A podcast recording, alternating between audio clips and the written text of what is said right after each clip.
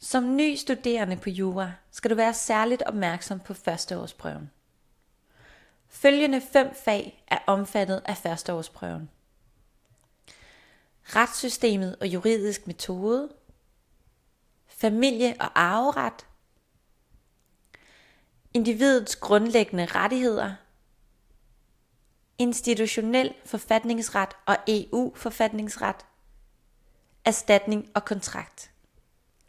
Det vil sige alle fag på første studieår, undtaget strafferet og straffeproces. Førsteårsprøven består af to dele.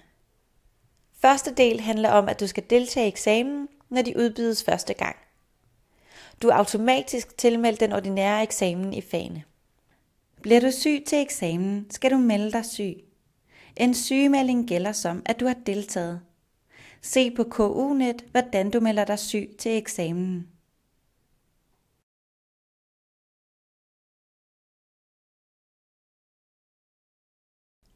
Anden del handler om, at du skal have bestået fagene i førsteårsprøven senest to år efter, at du startede på uddannelsen. Hvis du ikke har deltaget i eksamenerne på første år, eller hvis du ikke har bestået fagene senest to år efter, at du er startet, risikerer du at blive udmeldt af uddannelsen. Hvis du er i tvivl, om du har levet op til kravene i førsteårsprøven, er du altid velkommen til at kontakte os i studie- og karrierevejledningen – så kan vi sammen tale dit studieforløb igennem.